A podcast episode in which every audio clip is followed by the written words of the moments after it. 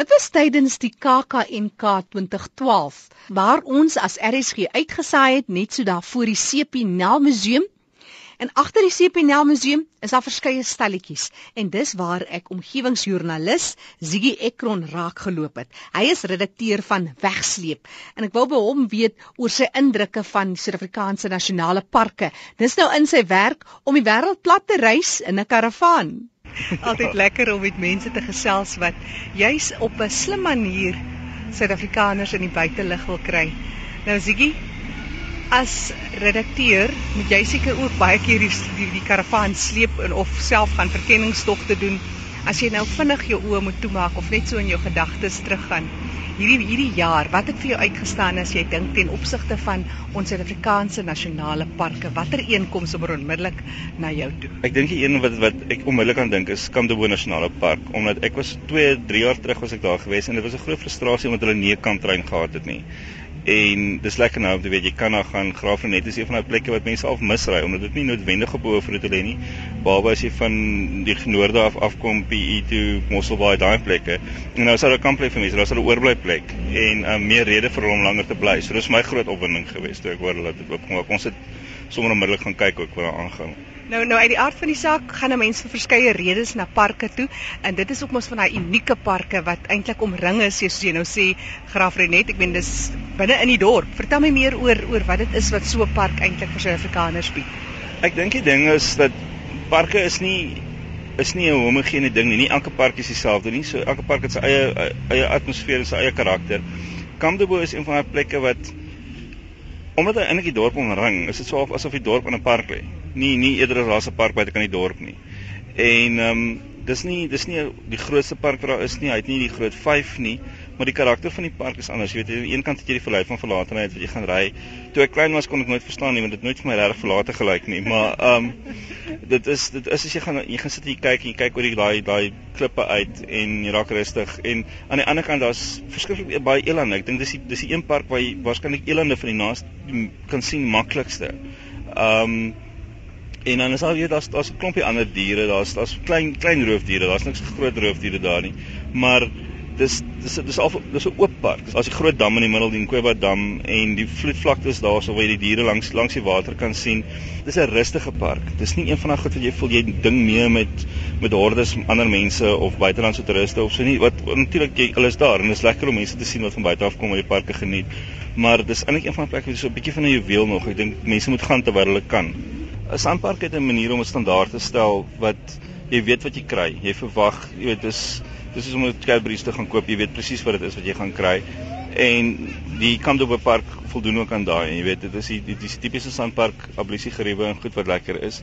Die die kampplek is nie baie groot nie. Ehm um, daar's grys gegooi vir die staanplekke omdat jy weet daags nie die skadubome is nog is daar maar in die winter gaan hulle bietjie skraal raak en dan gaan jy sukkel so maar dis lekker dis lekker uitgelê dit is en ehm um, die die parkbestuurder het ook gesê jy weet mense het baie daar aangekom Kies hier's 'n hier's 'n nasionale park. Jy weet nou nou wil hulle die aftrekking naby kom bly en dan was hulle erg teleurgesteld om te hoor dat daar is nie 'n park nie.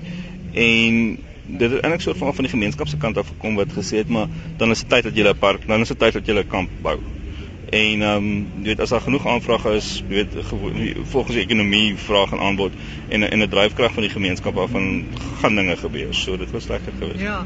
Nou net so na die ander parke, daar's nie minder nie as 22 parke en dit is nou jy weet van die Kalahari wat met sy eie uniekheid bring, die Galagadi oorgrenspark en dan het ons nou waar ons oorgrensparke is 'n belangrike deel seker met ons buurlande en daai samewerkingsooreenkomste. Wat se betrug voor is dit wat jy kry van besoekers? Aan hierdie tipe kampe waar daar ander lande en hulle uh, regerings betrokke is. Wie is 'n interessante ding, mense kan kan hulle eie opinies oor baie goed hê, maar die oomblik as jy hom in die omgewing sit so, soos 'n nasionale park of wat ook al jy sê van okay, daar is nou nie meer grense tussen die tussen jou en die ander land nie en dit is al twee nasionale parke. Dan is dit vreeslik innemend. Hulle hulle hulle hulle hou daarvan. Jy weet, hulle kan nou jy sê jy kan as jy in in, in die kreer is, kan jy oor ry Mosambiek se kant toe en jy kan daar dit doen. Wat 'n ander 'n ander atmosfeer is. Heeltemal is daar's daar's beeste wat daar loop en so en so. Dis iets anders vir mense. Maar dit is nog steeds dis 'n lekker ding vir hulle. Hulle eie in die parke vir hulle self toe. Mense is baie besitlik oor die nasionale parke. Ek dink baie keer moet moeilik wees om te werk vir nasionale parke want mense het dit is volksbesit. Jy weet, so um, en dan mense is mense is trots op om te sê maar dit is ons dis ons goed hierdie. So mense mense uit die parke van Pretoria is baie trots op om op op die nasionale parke. En ek dink soos ons gevind het met die tydskrif, oomblik is 'n ding so 'n volksbesit raak. Ja. Dan dan is mense baie vinnig om vir jou te sê maar luister, jy is nou besig om te mors met my park of my tydskrif of of wat ook al. So ehm um, dis 'n lekker dis 'n lekker heen en weer gesprek tussen tussen die mense wat die parke besoek en die parkbestuur en, en so. Nou praat nou so van al die klomp parke en uh, volksbesit en so meer. Watter het jy in jou hart gebeere en dit bly jou spesiale park as jy moet uitsonder? Uh Adu bly vir my 'n groot groot begeerde.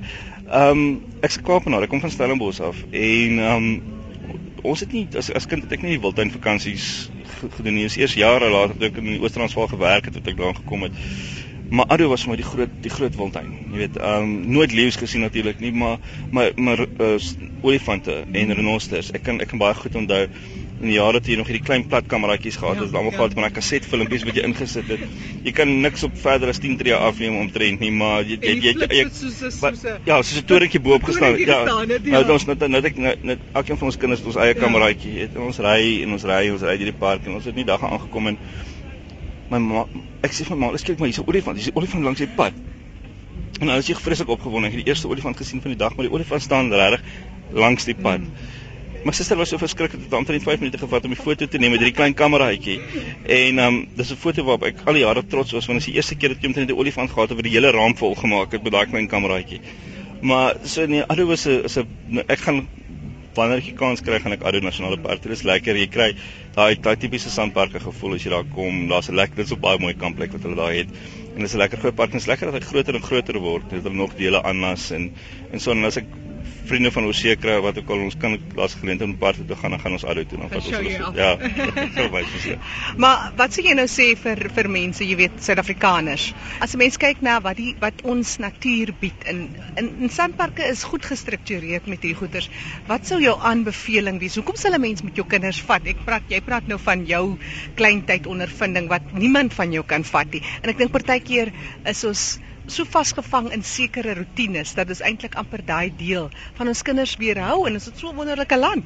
Ek dink aan die een kant hierdie hierdie ek wil nie vir algemeen nie maar die die gesinsvakansie ding het so afgeraak mense gaan na gaan na oorde toe hulle gaan na ehm um, die groot groot plekke toe jy moet iets sê vir die kinders en jy jy vergeet hoe lekker dit is in 'n kamp in 'n in 'n nasionale park. Ek gaan nou volgende week gaan ek vir net vir 2 dae na Tafelberg Nasionale Park wat ook oornag geriewe het net om daar te bly en al is jy 15 minute se ry uit die stad uit, jy's nog steeds ver weg van alles af en jy voel asof jy jy's in die natuur. Ek bedoel dit is al 'n bietjie van 'n klise om altyd te sê jong mense voel hulle is in die natuur, maar dit is lekker en jy kan mense so toe vat en sê ontspan nou net 'n bietjie, vergeet net vergeet net 'n bietjie en en waardeer die feit dat jy hierdie plek het wat daar geskep is vir jou. En so ek dink die groot boodskap vir mense is net jy vir gaan, gaan kyk.